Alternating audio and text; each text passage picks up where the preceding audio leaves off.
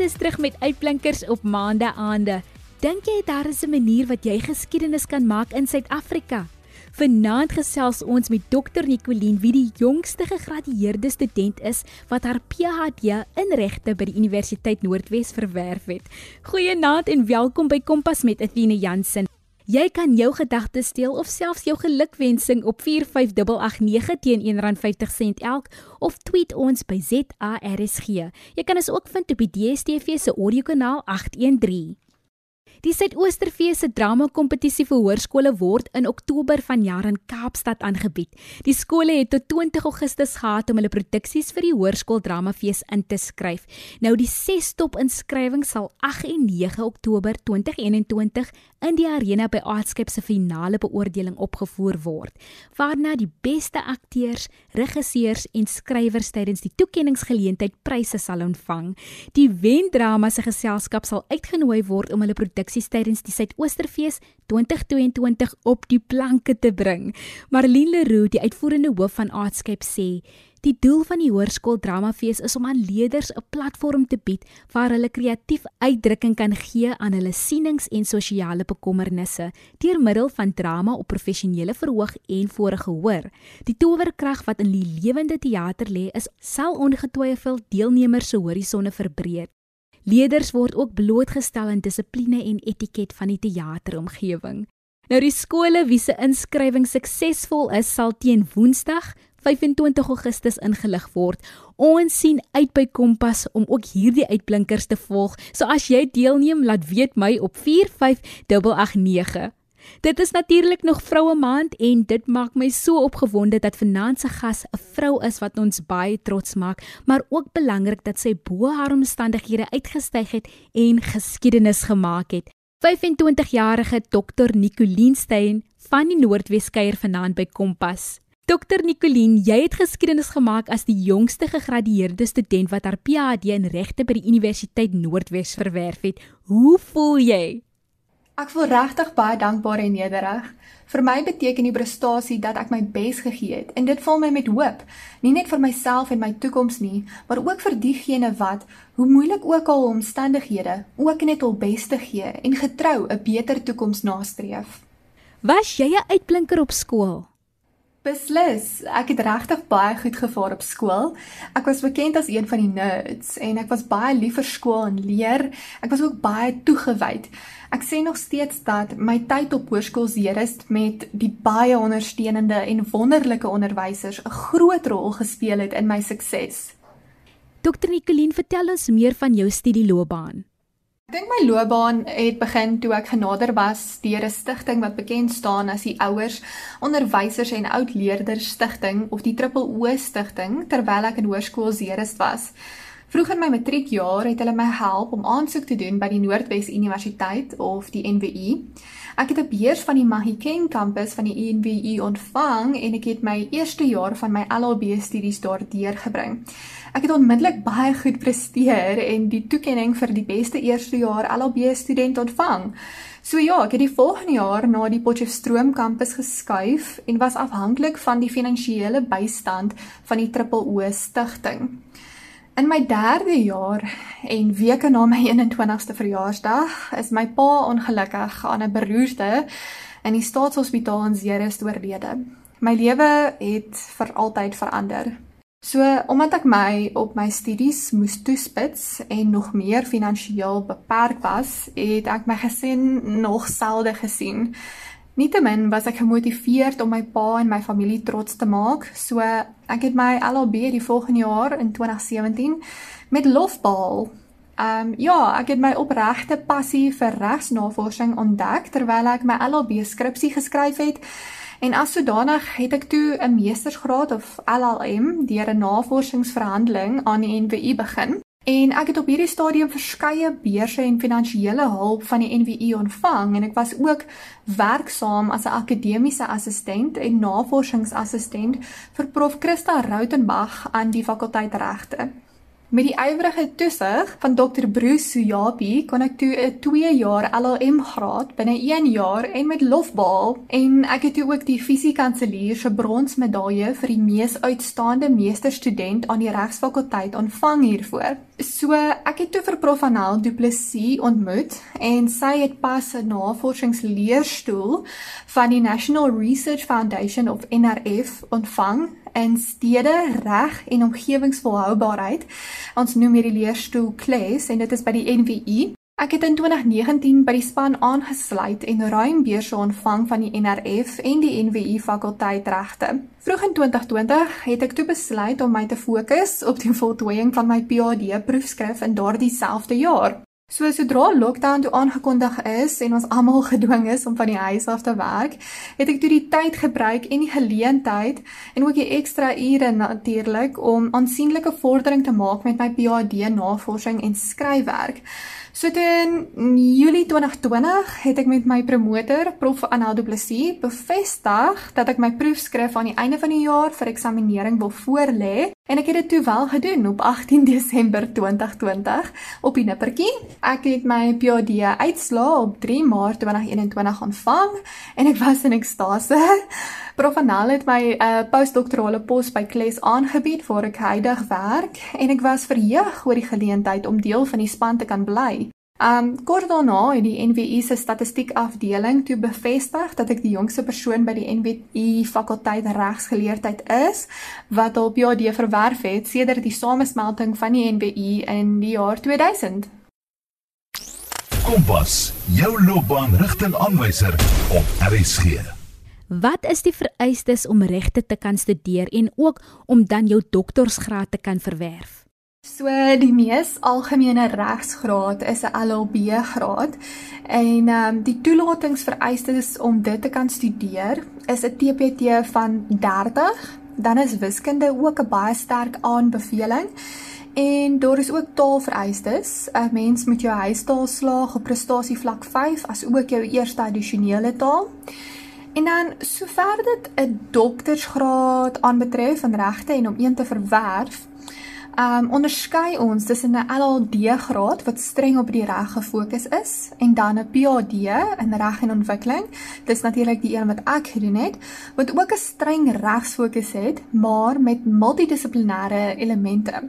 So om toegang tot die LLD te verkry, moet 'n student 'n LLM graad eers verwerf En as 'n riglyn moet uh, 'n uh, student 'n gemiddeld van 65% behaal het vir hul LLM studies, sowel as vir die proefskrif wat jy dan skryf tydens jou LLM studies. Maar vir 'n PhD is die vereistes min of meer dieselfde behalwe dat toelating tot die PhD program onderhewig is aan die kandidaat se akademiese rekord, taal en skryfvaardighede, bewys van kundigheid op 'n spesifieke gebied en die voorgestelde onderwerp van die navorsing. So ja, mens kan ook 'n um, aansoek doen vir 'n PhD in reg en ontwikkeling indien jy 'n meestersgraad het in ander spesialiseringsrigtinge en sover ek weet is dit in antropologie, handel, sosiale wetenskappe of ontwikkelingsstudies. Ek het 'n artikel gelees wat noem dat jy nie in die maklikste omstandighede groot geword het nie. Gee jy om om dit met ons te deel? Ja, ek het groot geword op die destydse onderontwikkelde kant van die spreekwoordelike treinspoor in Zeerust. Um, die area se naam is Sanvlakte. My gesin wat toe uit my pa, ma en twee ouer broers bestaan het, was regtig baie arm. My pa was 'n afgetrede werktuigkundige en um, was die enigste broodwinner in ons familie en hy was wat mense 'n herwinningsondernemer kan noem. Ehm um, ja, hy het hierdie eienaardige oulike groen trok of vragmotortjie gery in die dorp en uh, weggegooide bokse, blikkies, plastiek en glas by verskillende winkels gaan haal. En ehm um, hy het my ook altyd met hierdie trokkie gaan aflaai en optel by die skool. Uh maar ja, die verkoop van hierdie herwinbare produkte was ons enigste inkomste en was natuurlik baie onbetroubaar gegee die beperkte aanbod en brandstofkoste. So uh, ons omstandighede finansiëel was nie ideaal nie. Um maar ek het regtig kosbare herinneringe. Um en soos byvoorbeeld een winter son middag, eh, dit was 'n Sondagmiddag, het ek my pa en ma gehelp om blikkies te baal en om dit op 'n sleepwa te laai sodat my pa dit die volgende dag kon gaan verkoop. En my ma het daardie middag heerlike hoenderpastei opgetower en ons kon daaraan smaal na ons harde werk. En ehm um, ja, die grootste vrees wat ek gehad het, was die muurkolonie, ehm um, wat my gepla het toe ons huis toe gestap het en dikwels my klein rampie sou terroriseer.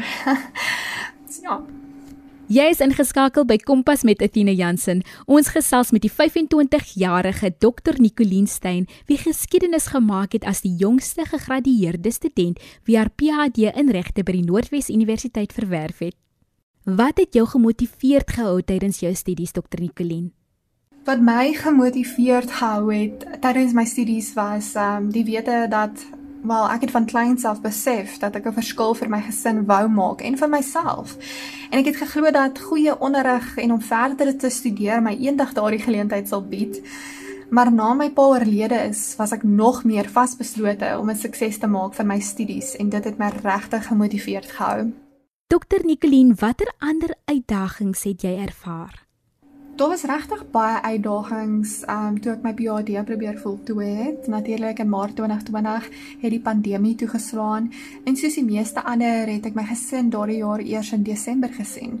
Ek was bang en dit was 'n eensame en geestelike uitdagende jaar, selfs sonder die taak om my doktorale proefskrif te voltooi. Maar ek het die reddende genade gehad om saam met my neef en beste vriend Calvin Harding te woon, wat my deur van die moeilikste tye gehelp gedra het. Um ek het ook geweet my ma en my familie bid ernstig vir my en dat ek hul ondersteuning het. Maar die skryf van 'n PhD proefskrif is ingewikkeld en ek het nie meer daagliks die geleentheid gehad om persoonlik by die kantoor die raad van my kollegas of promotor aan te vra nie en ek kon ook nie meer op my op die waardevolle fisiese hulpbronne staat maak nie, soos die boeke by die klas en die kampusbiblioteek. So saam met die onsekerheid van 2020 was daar bykomende uitdagings. Natuurlik um veral om by sperdatums by te hou van um die hoofstukke in my PhD en uiteraard het die hele proses verskriklike dissipline, motivering en opofferings vereis. En dit was baie moeilik om dit te onderhou weens emosionele, geestelike en fisiese moegheid. Het jy enige wenke om konsentrasie te behou terwyl jy studeer vir 'n toets? My wenk is om kleiner doelwitte te stel en seker te maak jy bereik elke een sorgvuldig. Uh byvoorbeeld as jy die doel stel om vandag 20 bladsye te leer, maak seker dat jy dit opbreek in kleiner doelwitte, soos byvoorbeeld 3 bladsye elke ander uur. En leer dit dan deeglik en maak seker jy kan jouself vra vra daaroor en dat jy dit goed kan beantwoord. Dit behels ook dis baie goeie beplanning en om 'n to-do lysie op te stel sodat jy seker kan maak jy het genoeg tyd om volledig te studeer. Goeie tydsbestuur wanneer 'n mens vir 'n toets studeer is baie belangrik. Indien mens byvoorbeeld gespanne raak omdat daar te min tyd is, sluit mens se brein sommer heel af. Dr Nicoline, wie was jou ondersteuningsnetwerk? My ondersteuningsnetwerk is beslis my familie. Um dit sluit in my ma, Marie Stein, my broers Hein en Piet Stein en my neef Calvin Harding in onder andere. Um ek het ook natuurlik die liefdevolle herinneringe aan my pa wat my tot vandag toe ondersteun. Um ek beskou ook my kollegas by Kles as familie en my promotor Prof Anel Du Plessis verskaf ook regtig baie leierskap en ondersteuning. My vriende is ook regtig vir my uiters kosbaar en ek sou nie sonder hulle ondersteuning deur so 'n moeilike tydperk kon kom nie. Is daar dalk iemand na wie jy opkyk? Um alhoewel ek baie akademiese rolmodelle natuurlik het, sal ek sê ek kyk op na my ouers. My pa het verskriklik hard gewerk om vir ons te sorg en het vir my soveel dissipline en uithou vermoë geleer. En dan het my ma ook vir my 'n groot liefde vir boeke en lees aangeleer en ook om kennis na te streef. Um sy het my geleer om alles heel hartig aan te pak en om altyd nederig te bly. En daarom is hulle die mense na wie ek opkyk. Behalwe jou studies, wie is dokter Nicoline ook? Buiten my studies geniet ek ook baie om kunste aanskou, veral byvoorbeeld Gustav Klimt en as ook om self te verf. Ek bak ook graag indien ek tyd kry en ehm um, ja, ek lees ook tydens vakansie soveel as wat ek kan. Ek is mal daaroor om klassieke boeke te versamel en hou ook daarvan om navorsing te doen oor nuwe tegnologiese verwikkelinge, veral futuristiese oplossings vir kontemporêre probleme. Dit is regtig my passie. Um ja, ek speel ook graag skaak en ek hou daarvan om te dans. Ek is Athena Jansen en jy's ingeskakel op RSG 100 tot 104 FM. Ons gesels met die 25-jarige uitblinker Dr. Nicoline Stein. Hoe lyk die pad vorentoe? Wil jy nog verder studeer? Terwyl ek nie op die oomblik beplan om verder te studeer nie, wil ek professorskap verwerf voor die ouderdom van 30. Ek wil graag in die akademie bly en navorsing doen wat 'n verskil in ons land sal maak. Veral navorsing wat moontlike uitwerking sal hê op uh, byvoorbeeld beleidsveranderinge rakende sosio-ekonomiese kwessies en die gebruik van tegnologie as 'n hulpmiddel om sommige van hierdie kwessies aan te spreek. Maar verder in die toekoms sal ek glad nie omgee om 'n tweede PhD te doen nie. Wat behels jou werk nou?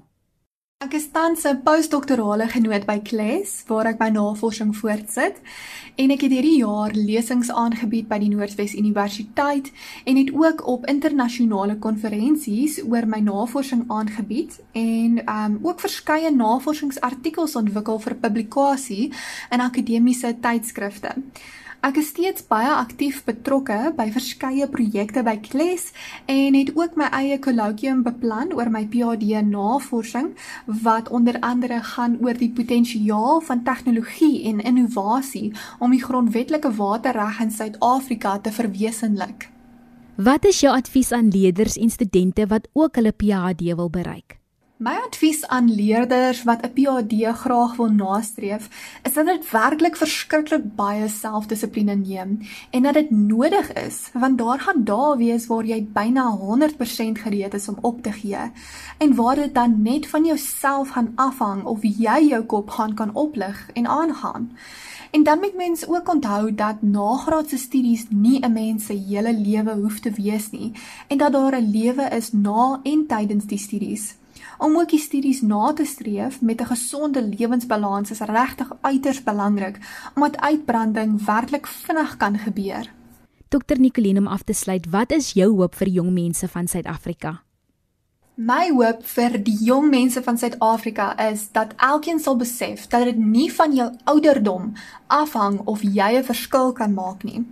Of dit nou vir jouself, jou familie, jou medemens of jou land is. Moet nooit dat iemand jou laat twyfel oor jou vermoëns as gevolg van jou ouderdom nie. Glo in jouself en jou drome en wees doelgerig. Dus my hoop vir die jong generasie is dat ons ons krag en onsself nooit sal onderskat nie. Baie dankie dat jy jou tyd met ons gedeel het Dr Nicoline. Dit is vir my so lekker om jou dokter te kan noem. Sy het vooraf genoem dat dit nie nodig is nie, maar met alle respek gesê Dr Nicoline, jy verdien dit en jy het hard gewerk daarvoor. Dankie dat jy 'n inspirasie is vir jong mense. Dit maak nie saak wat jou omstandighede is nie, jy kan bo uitstyg. Indien die luisteraars enige van ons programme wil luister, kan jy dit vind op www.rsg.co.za. Klik net op die potgooi skakel en soek onder K vir Kompas. Kompas word aan jou gebring deur die SABC Opvoedkunde. Môre aand vier ons verder die laaste week van Vroue Maand deur met meisies te gesels wie landbou as 'n vak neem. Skakel in om 08:30. Onthou dat jy ook in staat is om geskiedenis te maak, 'n verskil te maak en bo uit te styg. Van ons, Athena en Percy, 'n lekker aan verder.